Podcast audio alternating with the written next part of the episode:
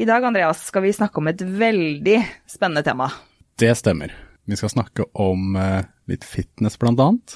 Blant annet fordi det her kommer, dukker det opp veldig mange emner og temaer som jeg tenker er kjempeviktig å snakke om rundt både eh, forhold til kropp og kosthold og generelt bare eh, livsstil. Vi har jo med oss en eh, ufattelig kul kar som heter Adrian, som er en god venn av meg. Og jeg syns det er kult å få hans perspektiv som har stilt i fitness, så det blir veldig, eh, veldig spennende om vi kan få noen, eh, noen interessante diskusjoner rundt, eh, rundt dette.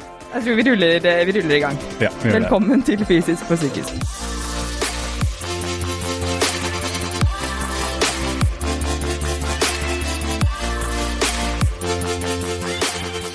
Jeg er så heldig å ha med meg tights.no på laget, som gir meg muligheten til å faktisk kunne lage denne podkasten, og det er jeg så utrolig glad for.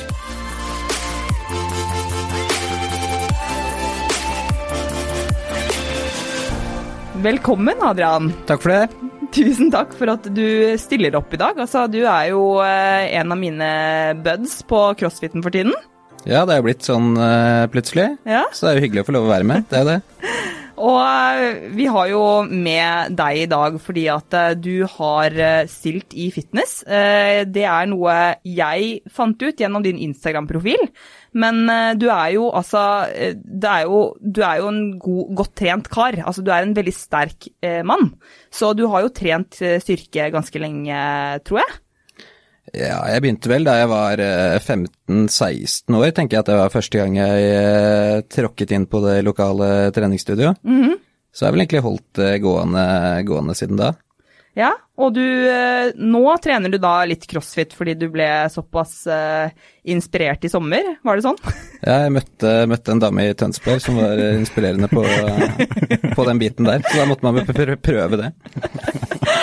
Ah, ja, eh, og um, det var jo Vi hadde jo vi, ja, vi trente jo ikke så mye i Tønsberg, men vi, eh, vi ble kjent der. Og etter det så har du begynt å trene litt crossfit. Men uh, uansett, da, så, så ser du jo Du ser jo bra ut. Og du har jo en, en god erfaring med trening og styrke. Så bestemte du deg på et tidspunkt til å starte, eller å konkurrere i fitness. Eller stille, i hvert fall.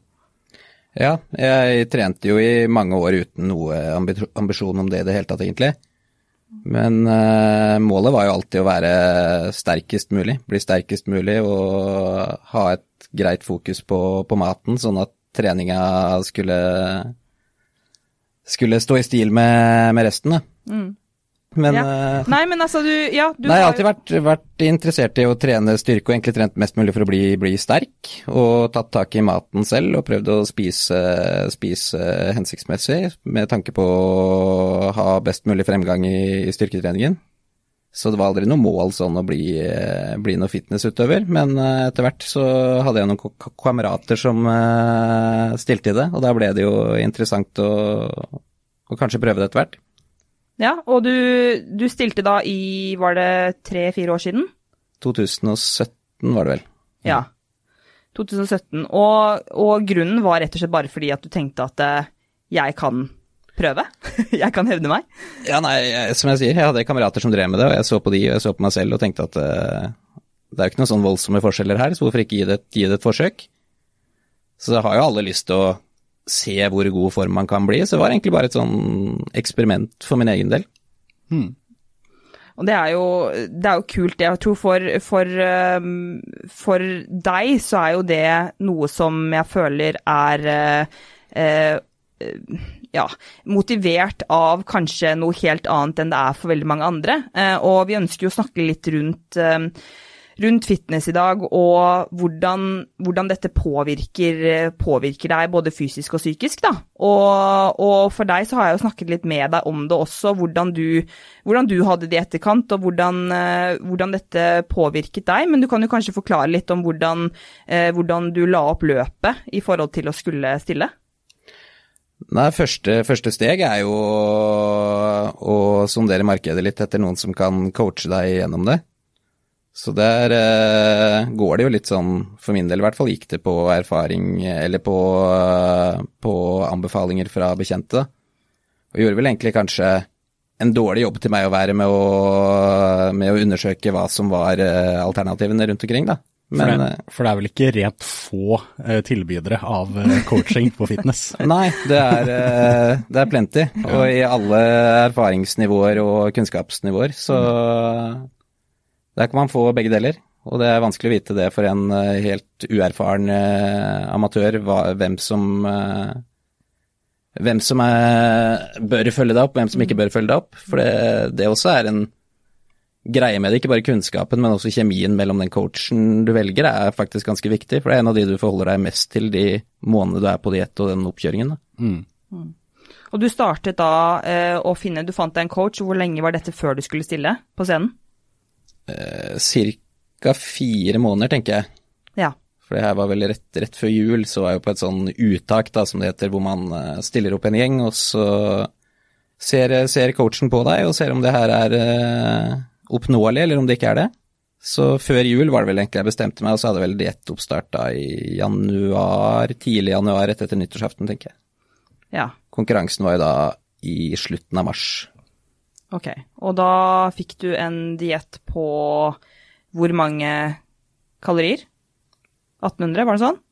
Fra starten av? Sto ikke nevnt, men jeg regna det jo fort ut at det var vel en eh, 1850-1900, tenker jeg. Og til vanlig spiser du hvor mange kalorier?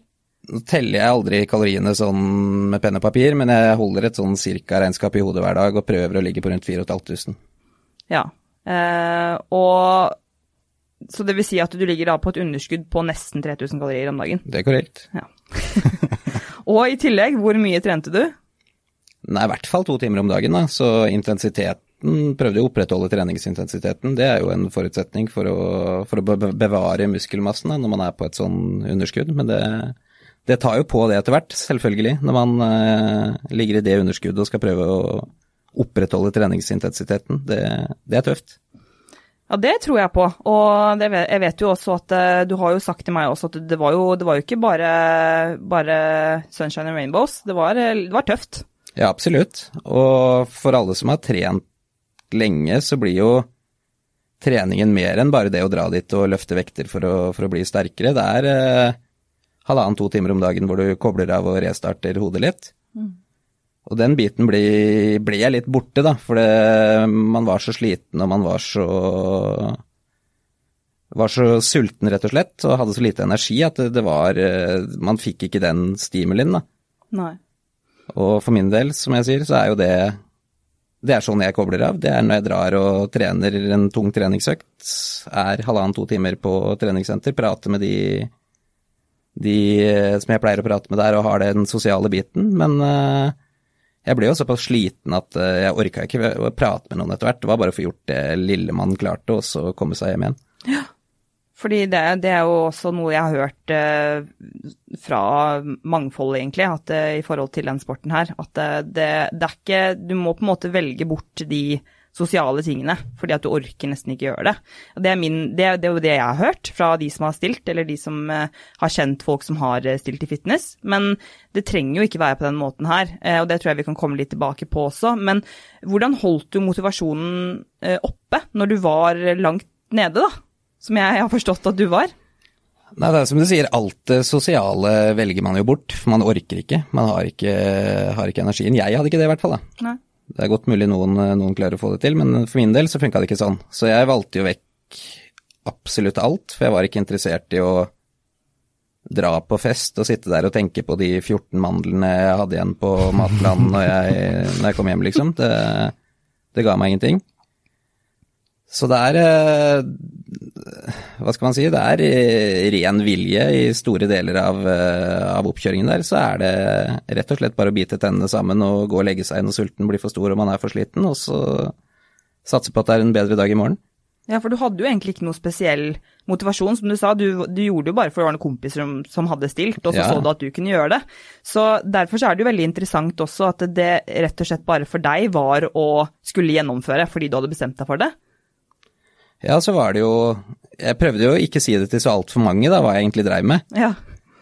Og det er jo litt rart å måtte bortforklare til vennene sine hvorfor man ikke blir med på noen ting plutselig på, på tre måneder, hva man egentlig driver med. Men jeg valgte jo å gjøre det sånn da at jeg ikke Jeg ville ikke lage noe fallhøyde for meg selv, da. Nei. hvis det skulle skjære seg, for det var såpass, såpass tøft at jeg vurderte jo veldig mange ganger å, å takke for meg. Mm. Og Takke, takke for deg. Altså Ja, det hørtes jo veldig voldsomt Ja, ut. du, Nei, så gærent var det ikke. nei, nei, altså, du var, det var ikke, du var ikke så Kaste inn håndkleet. Kaste inn håndkleet er vel ja, bedre- ja, ja, ok. Ja, da, ja, fordi at da begynte vi å komme inn på noe annet. Ja. Noe veldig, eh, veldig eh, Mørkt. mørkt her. Så dystert var det ikke. Det Nei. var ikke det. Nei, men det er bra. Det er godt å høre. Eh, Men eh, ja, at du holdt på å kaste inn håndkleet, og det hadde jo jeg også. Altså, hvis du er så langt nede og, og presser kroppen så hardt, så er, tror jeg veldig mange kan, kan uh, få de følelsene og tankene. Ja, så er det jo litt med det at det er så lenge, og det er ikke noe, er ikke noe pause imellom. Så det er som å løpe et maraton på, på tre måneder, da, for du kommer aldri og får den pausen hvor du kan kose deg og spise litt ekstra og dra ut og ta noen øl og være med venner og sånne ting. Den pausen kommer ikke. Det er eh, fra det starter til du er i mål, så, så må du være dedikert, og det, det er tøft.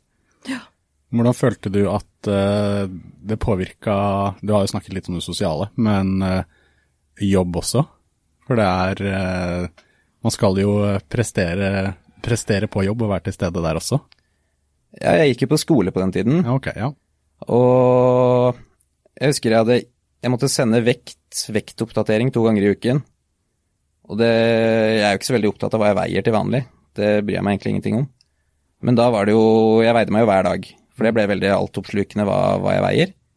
Og hvis jeg da sto på en tirsdag da, hvor jeg skulle sende vekt, og ikke hadde gått ned det jeg følte jeg burde ha gått ned, så begynte jeg med en gang å se på årsaken. Hvorfor har jeg ikke gått ned? Har jeg sovet litt lite, kanskje? Så da sov jeg gjerne to timer til, og hoppa over den skoledagen for å få vekta ned til noe jeg kunne sende inn og være fornøyd med. Da. Så det, det blir eh... ja. Det er ganske sykt, faktisk. Ja. Og jeg husker jeg kom på skolen.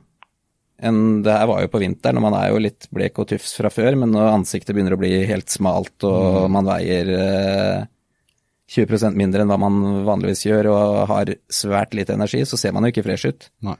Og da var det flere som kom bort ved flere anledninger, faktisk, og tok meg til side og går det bra. Mm. Er du frisk? Ja. Er du alvorlig syk? Hva, hva skjer? Mm. Nei da, jeg, jeg driver med fitness. Så ja var, det, var, det, var det liksom noe stolthet i å si at du drev med fitness da? ikke på, ikke på det punktet, Nei. for jeg ble så sliten og lei etter hvert at det var egentlig bare sånn Det her må jeg bare komme meg gjennom. Mm. Så det, i oppkjøringen så ga det meg veldig, veldig lite glede, da. Og når du stilte da, altså da har vi også kommet til det punktet hvor du, du pressa deg såpass hardt at du faktisk kom deg gjennom det. Du kasta ikke inn håndkle.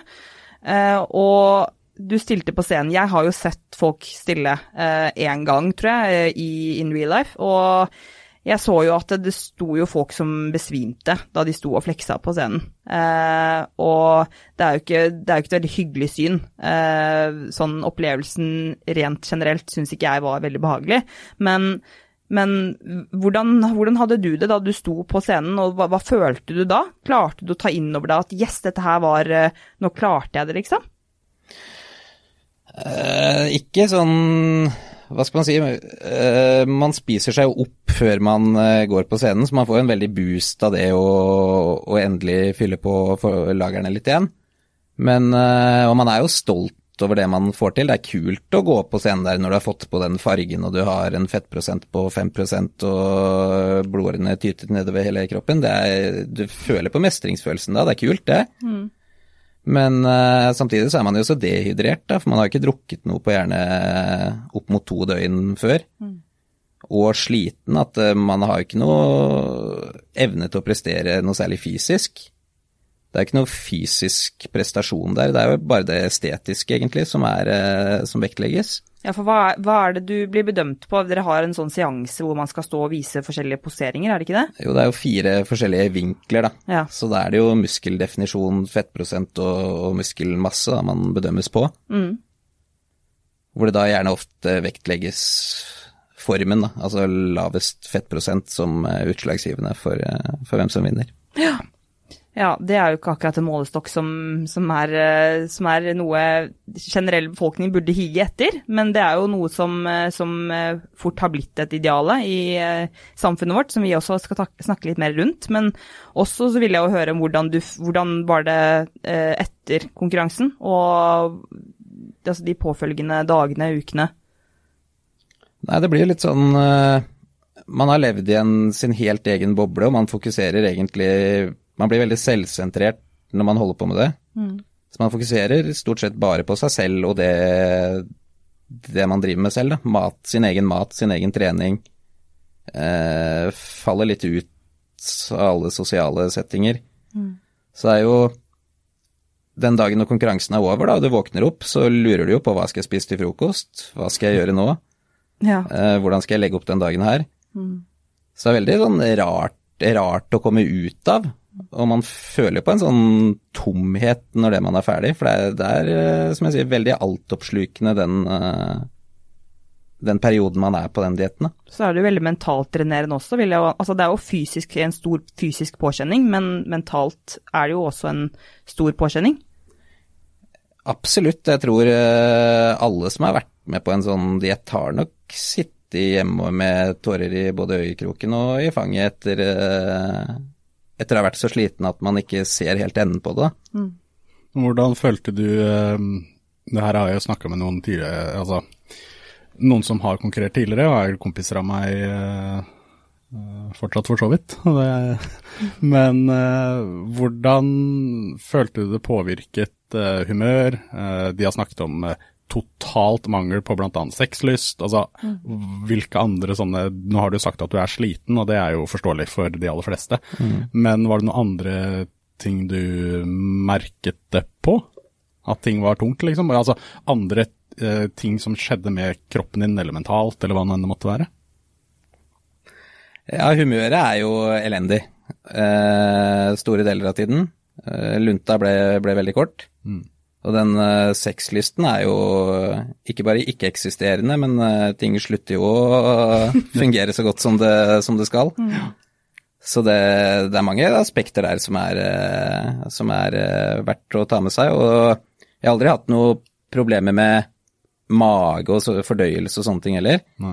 Men når jeg tok ut uh, f.eks. laktose, den var litt vanskelig å komme tilbake til når mm. jeg ikke spiste melkeprodukter. Mm og begynte å introdusere det tilbake i, i dietten, så hadde jeg jo for første gang i livet egentlig ganske store problemer med magen i ganske lang tid etterpå for å komme tilbake til normalen. Mm.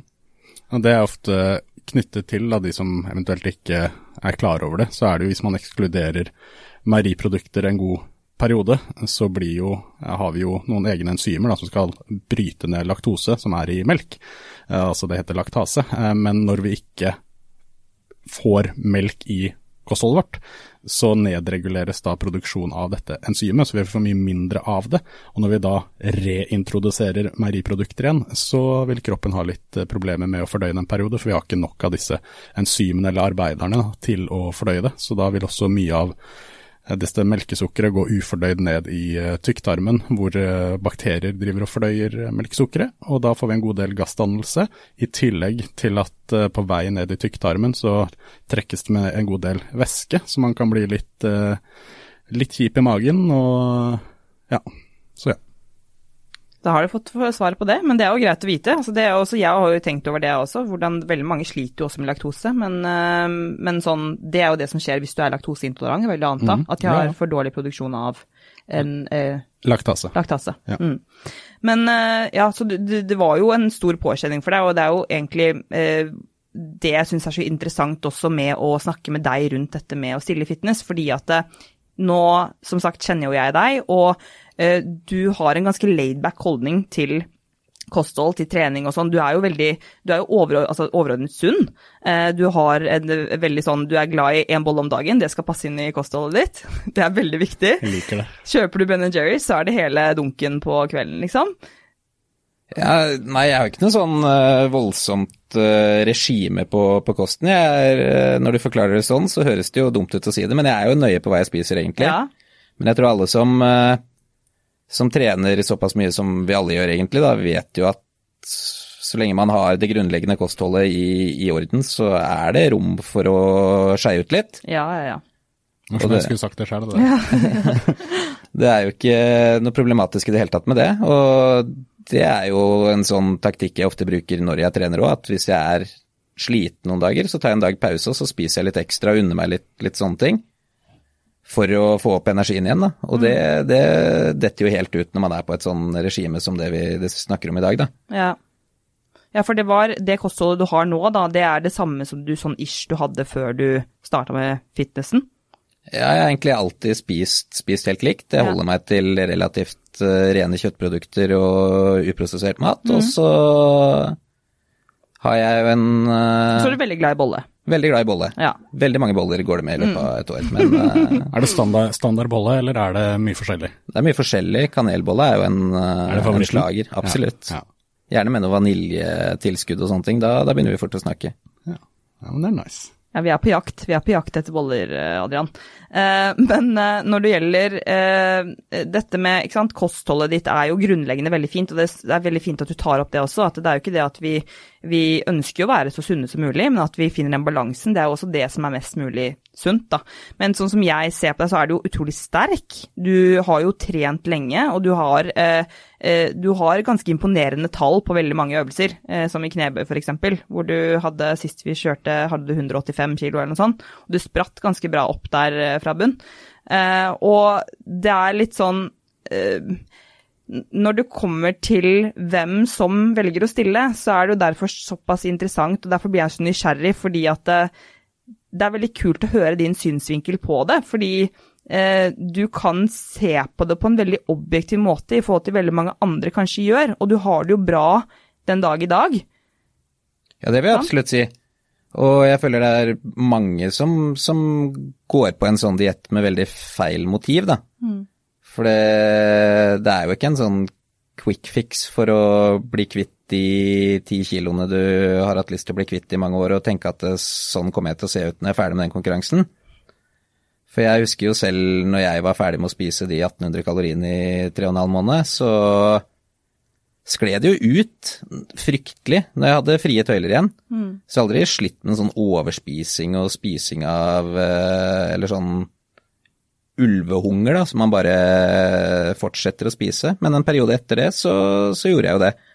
Og jeg gikk jo opp 80 kilo på en uke eller noe sånt. Ja. Det er klart det er mye vann som, eh, som binder seg igjen når man begynner å spise salt og karbohydrater, men allikevel, uh, da. Man er veldig fort tilbake der man, der man starter.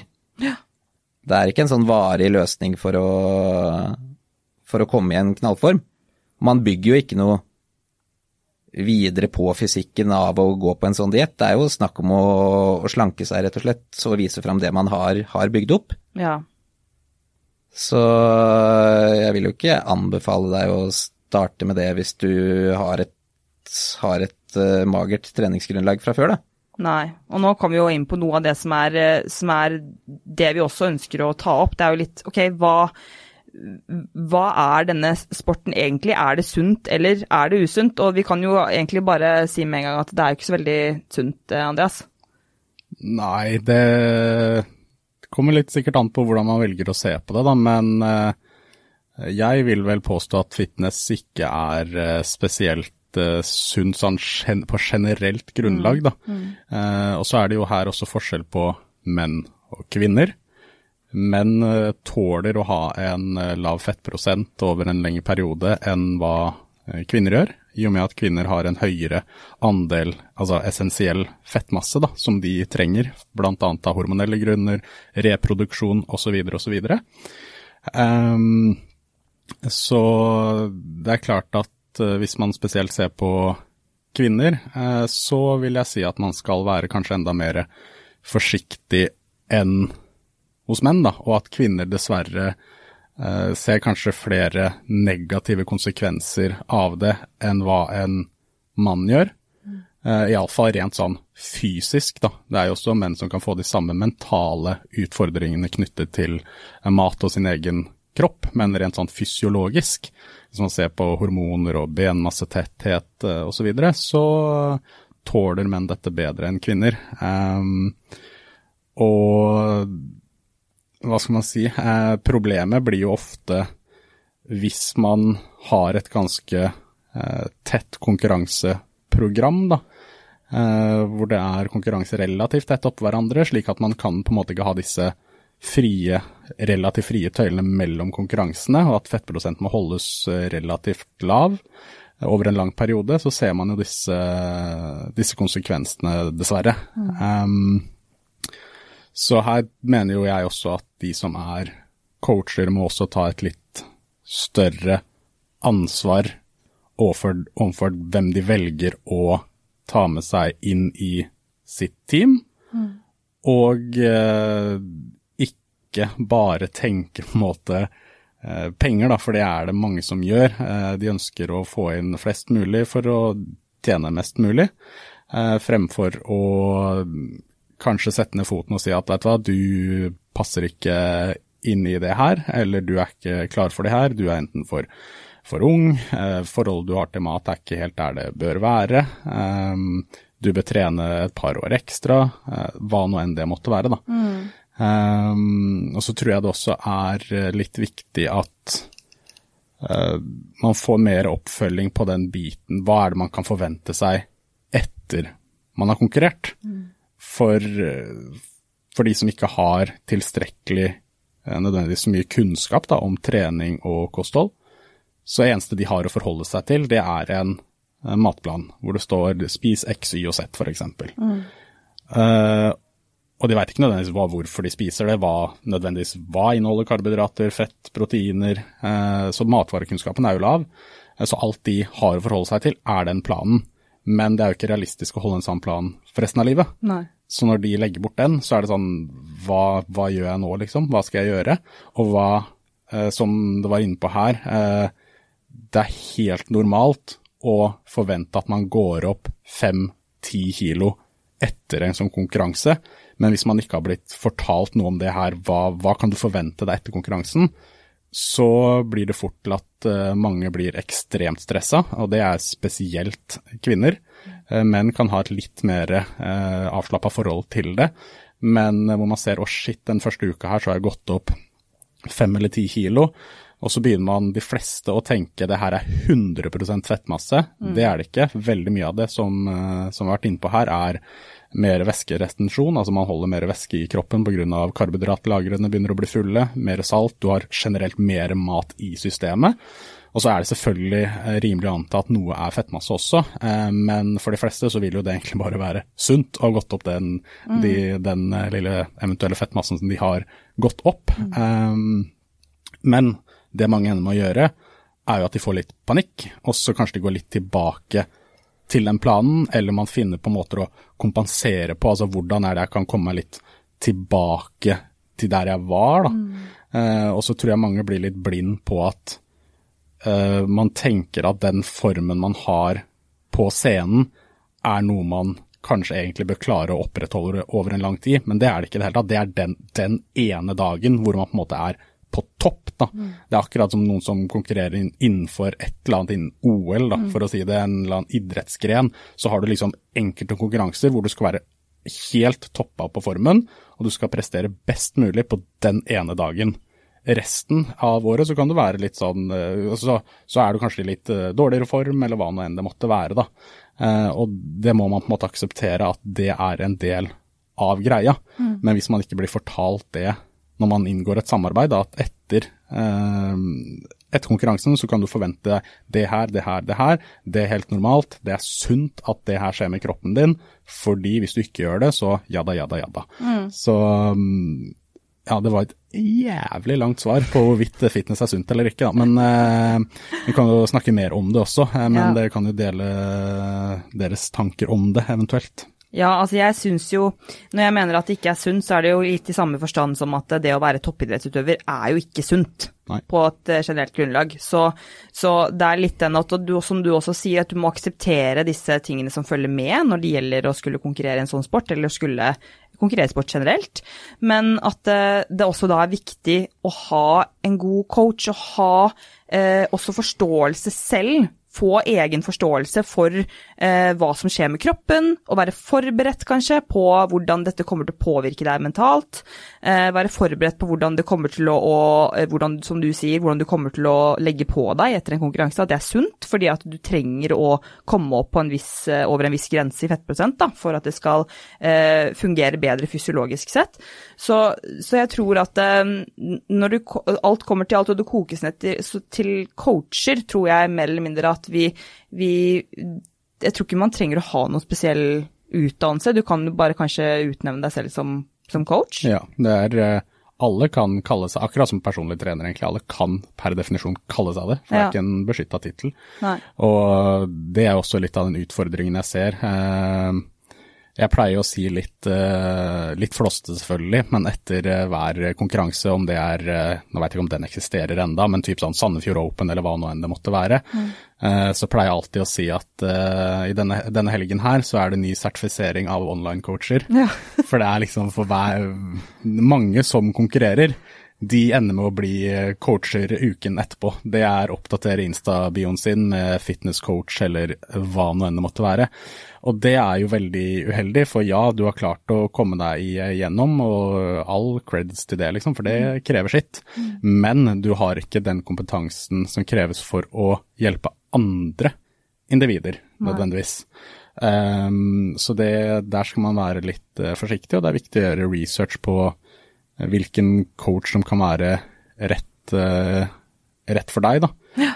Um, ikke det at jeg har noen sånn checklist på det, men det er liksom å tørre å stille spørsmål da, til den coachen du eventuelt skal ha, om, eh, om bakgrunn og spørre om hvorfor ting gjøres som det gjøres. Mm. Eh, og eventuelt også, så mener jeg da, at en coach også skal ha mulighet til å tilpasse ting underveis. Mm. Uh, selvfølgelig så er det jo, det sier seg selv at det å konkurrere i fitness, det er, eh, det er tøft, og det er uh, ofte rigid og sånn i matveien, men og når det kommer til trening også, må det være mulig å tilpasse ting, ikke bare da høre sånn uh, Nei, det, du Eller bare gjør som jeg sier, det, du har liksom ikke det som kreves, eller nei, du bare tuller, bare, bare skjerp deg og hele den biten der, liksom. Mm. Så er det viktig, viktig at man også har mulighet til å se på mulighetene, da iallfall, for å eh, tilpasse opplegget mest mulig, eh, mest mulig underveis. Um, og så var det en eller annen viktig ting også som jeg skulle uh, innpå, men som jeg nå har glemt. Men det kan hende at jeg kommer på det igjen. Ja. Um, men det er i hvert fall veldig viktig også at du har en coach som, som altså coacher da, tør å stille de viktige spørsmålene til Eh, den som skal stille, om angående liksom hvorfor gjør du dette her, at motivasjonen er riktig, og også at de ser på eh, treningsbakgrunn, som vi også har vært inne på, på, tidligere, og at det er en sånn eh, At det er en, eh, en ja, hva skal man si, god korrespondanse da, mellom coach og den som, eh, som skal konkurrere. Oi, jeg, kom på, jeg, kom på, det, kan jeg skyte inn? Ja, ja. Yes, bra. Så glemmer jeg det, begynner å bli så gammel, vet du. Um, at uh, det du nevnte nå, uh, hvorfor man konkurrerer, ja. uh, så føler jeg at veldig mange, selv om de kanskje ikke tør å innrømme det, konkurrerer på feil grunnlag, mener jeg. Mm.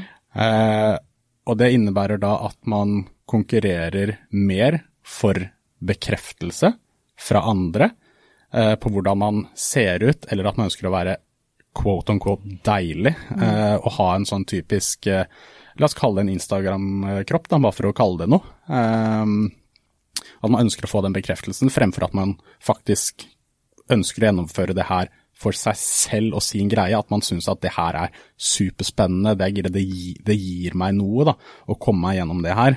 Så tror jeg litt for mange konkurrerer av på feil grunnlag, da. Mm, og det er, det, det, er jeg helt enig i, og det tror jeg um, også er en av, en av, mine grunner til at eh, Adrian, at jeg syns det er så kult med deg, og også høre med deg, fordi at eh, jeg føler at ditt, ditt, din grunn var ganske eh, ja, hva skal man si, unik, eh, i og med at du bare Du skulle bare pløye gjennom fordi at eh, det som er veldig kult, er jo, syns jeg også, og det syns jo du også, tror jeg, at det er jo som kunst. Altså det med anatomi og det å kunne se muskler og sånn, det er jo kult. Jeg syns det er kult.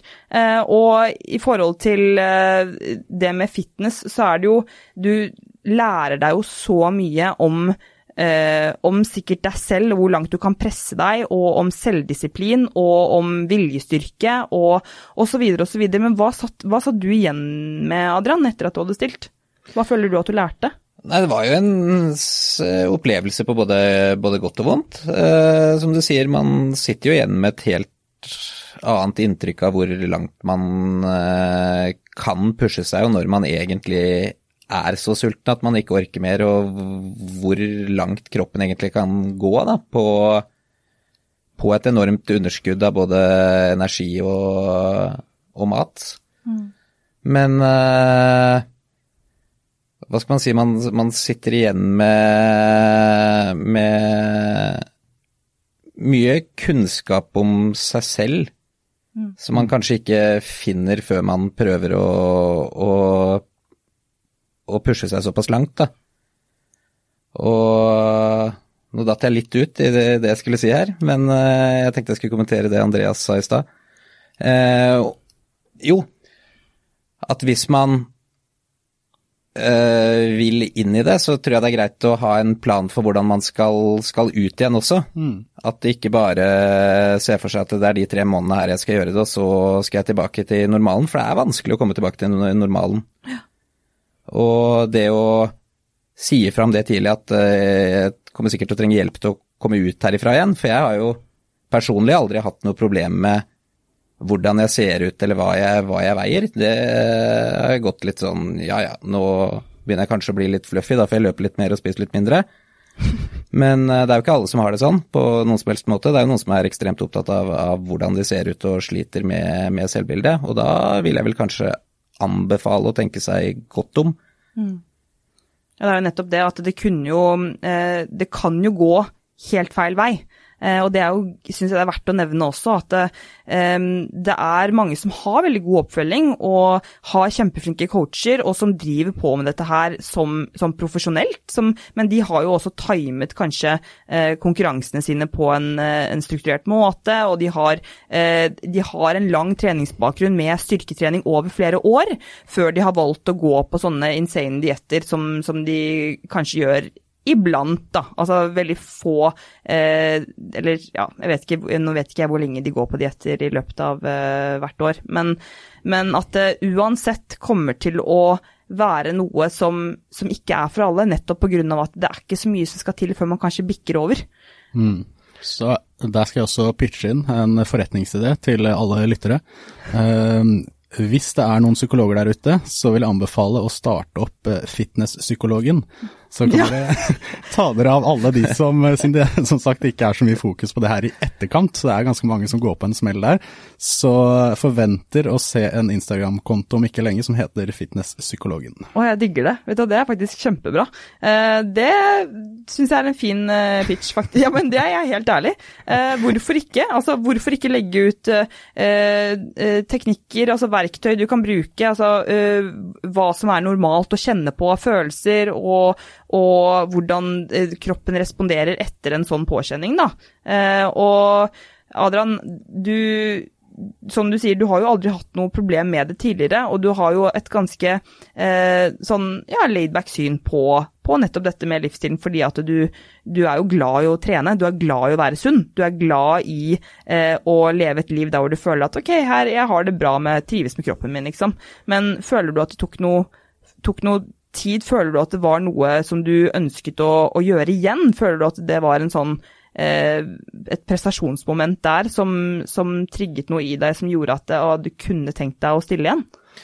Egentlig ikke, for uh, som vi har vært inne på, da, så var det jo litt sånn kaste seg på-taktikk for min del. Og jeg er mer glad i den fysiske prestasjonen ved, ved trening, å bli sterkere, kunne løfte mer, kunne løpe lenger. Mm.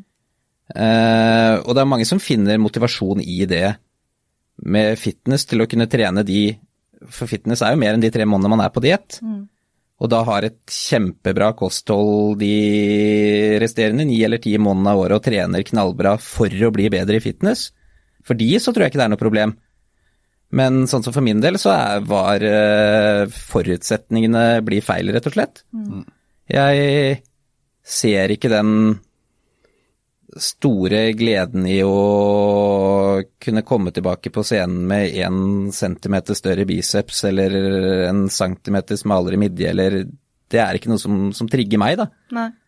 Og det fant jeg ut etter, etter å ha prøvd det. Ja, men det er jo, og det også tror jeg er eh, noe som, som, eh, som trigger et annet uh, spørsmål, et annet tema for meg. Det er jo nettopp dette med at uh, dette her er en sport for veldig mange som syns det er dritkult å, å, å, trene for å klare å få visse uh, kanskje balanser eller symmetri mellom ulike muskler og sånn. Og vet du hva, jeg, jeg skal ikke si noen ting imot det. Jeg syns det er imponerende for de som klarer å gjøre det, og de som har kanskje et mer sunt forhold til dette enn veldig mange andre. Men det er noe med også denne industrien som gjør at det, dette plutselig har blitt et ideale som man ser på som en sunn og veltrent kropp. I forhold til hva, er da spørsmålet. Mm. Eh, og der, for der kommer du inn på litt den der med, med, hva som egentlig er en sunn fettprosent å ha, for spesielt kvinner. Eh, og, og, det vil jo gå, gå utover menn også, men bare det generelt eh, at det, det har blitt et så stort fokus på, eh, på, fettprosent hos veldig mange. Og jeg ser at kjempemange sender inn både til meg og til Andrea, ser jeg på spørsmålsrunder, at det, det er veldig den derre 'hvordan kan jeg bli sterkere', men å gå ned i fettprosent. Eh, og det er ikke nødvendigvis noe feil i det, men da må du først vite hvorfor. Og jeg tror det er veldig få som klarer å svare på hvorfor de ønsker å gjøre det, og, og at det, det også er altså, viktig å akseptere eller være bevisst på at dietter som sendes rundt også til veldig mange som jeg også kjenner, er dietter som man skal gå på for å skulle stille i en konkurranse. Men det har jo blitt litt uh, Ja, jeg vet ikke. Jeg føler at det har blitt en sånn uh, verdi i det å skulle se ut på den måten. Jeg vet ikke hvordan ditt forhold til det er, Adrian? Nei, det er som du sier, uh, veldig mange som hopper på de, de fitnessdiettene, og det er jo akkurat som du bemerker viktig å, å få frem at det er en fitnessdiett. Den er tiltenkt å skulle vare så og så lenge. Det er for det fungerer godt for de som er i god form fra før og bare skal fintune den siste, siste biten mm. for å vise seg frem med minst mulig fettprosent. Det er ikke bærekraftig lang tid hvis man ønsker å trene mye og bli sprekere, bli sterkere, bli raskere, få bedre kondisjon, så klarer du ikke å leve på så, så lite mat. Det, det går ikke. Uh, selvfølgelig, alle har jo lyst til å ha den uh, sommerkroppen uh, eh, 20 et eller annet når den tiden kommer hvert år, men man må liksom legge ned en jobb på forhånd før de siste tre månedene før sommeren, og det er man bygger opp mer enn man slanker seg, føler jeg. Det er det som må være motivasjonen, å skulle bygge seg opp mer enn man skal slanke seg ned, da. Mm. Ja, jeg tror jeg med sommerkropp også, det kjenner jeg godt igjen. For jeg driver og fintuner inn nå mot uh, eh, 2045 eller noe sånt. Så jeg, tar, jeg, har en ganske slow approach da, til akkurat det her med å gå ned i fettprosent. Men 2045 så tror jeg jeg skal være ganske sånn oppe og, oppe og nikke, altså. Ja. Nei da, men Jeg gleder meg. Vi sitter sikkert her fortsatt i denne stolen her da, om 20 år. Ja. ja. Um, nei, men uh, jeg tror jo når det kommer til kropp og hvordan det har blitt, så tror jeg det egentlig bare føyer seg i rekken av uh, litt prestasjonskultur som har blitt ganske, ganske sterk. Og det mm. her handler ikke bare om kropp, men det handler jo om du skal, du skal iallfall blant unge, da, at man skal ha de rette klærne, man skal ha de, de karakterene, mm. man skal uh, bo der og der, man skal ha den kroppen, du skal ha den jobben, du skal ha den bilen. Du skal ja. helt, altså, det, er, det, har blitt en enorm prestasjonskultur, da, og det er så lett å uh, du, altså du blir påvirka så veldig lett, da, for er, det er på sosiale medier. Ting, du har det i hånda di hele tiden, mm. hvor man blir eh, vist at eh, folk er lykkelige og har kjøpt eh, det ene eller det andre, og de eh, har den og den kroppen, eller hva nå enn det måtte være. De er ute og reiser. Altså, alt som er positivt, blir lagt ut. Det er veldig lite av den egentlige virkeligheten da, på hvordan ting faktisk er. Mm. Eh, så hvis man uh, får opp et eller annet i feeden sin og tenker at uh, shit, liksom så bra de har det, så er sannsynligvis så uh, har vedkommende som legger det ut, har det ikke nødvendigvis mye bedre enn deg, men det ser sånn ut. For mange har en tendens også til å fremstille, spesielt de som kanskje ikke har det så bra, har en tendens til å fremstille enda mer positivt for å kompensere for hvordan realiteten egentlig er. Eh, så det tror jeg man også skal være litt sånn eh, på pass med, da. Hvis man, eh, nå snakker vi bare om prestasjonskulturen, da. Men jeg tror kropp og utseende er en ganske stor, stor del av det, da. At det er en sånn viss sosial forventning til hvordan man skal se ut eller være for å være eller bli akseptert, da. Ja, og det Når det gjelder fitness, så virker det som om det også har blitt litt sånn nesten bare flettet inn i en, en slags treningskultur over nett. Altså når det gjelder hva vi ser på nettet, at det er litt Det er det vi ser. Å ja, det er sånn du skal se ut hvis du trener, trener styrke. Å ja, så det er det vi skal, skal, jobbe mot, liksom. Dette her er det som er, det som er bra. Eh, og det er jo rett og slett derfor at det er viktig å, å få frem og fremheve nettopp dette at, eh, at det er en sport. Eh, og det er det samme som at eh, ønsker du å presse deg gjennom de øktene som en topp, altså langrennsutøver gjør hver eneste uke for å nå det nivået de gjør på konkurranse. og det er For det er jo ikke nødvendigvis sånn at det vil gjøre deg lykkelig, og for de fleste så vil det jo ikke det. Og det tror jeg du kanskje kan, kan, svare på for deg selv, i hvert fall, Adrian. Føler du at du, du ble noe Var det noe lykkerus på noe som helst tidspunkt i forhold til når du, fra du starta dietten til du var ferdig med konkurransen? Det må jo være den siste, siste kvelden før, da. da. da. er det en sånn uh, lykkerus som jeg var inne på tidligere, når man får spist seg opp litt og får uh, på den der uh, vidunderlige fargen og, mm. og, er klar for å gå på. Mm. Men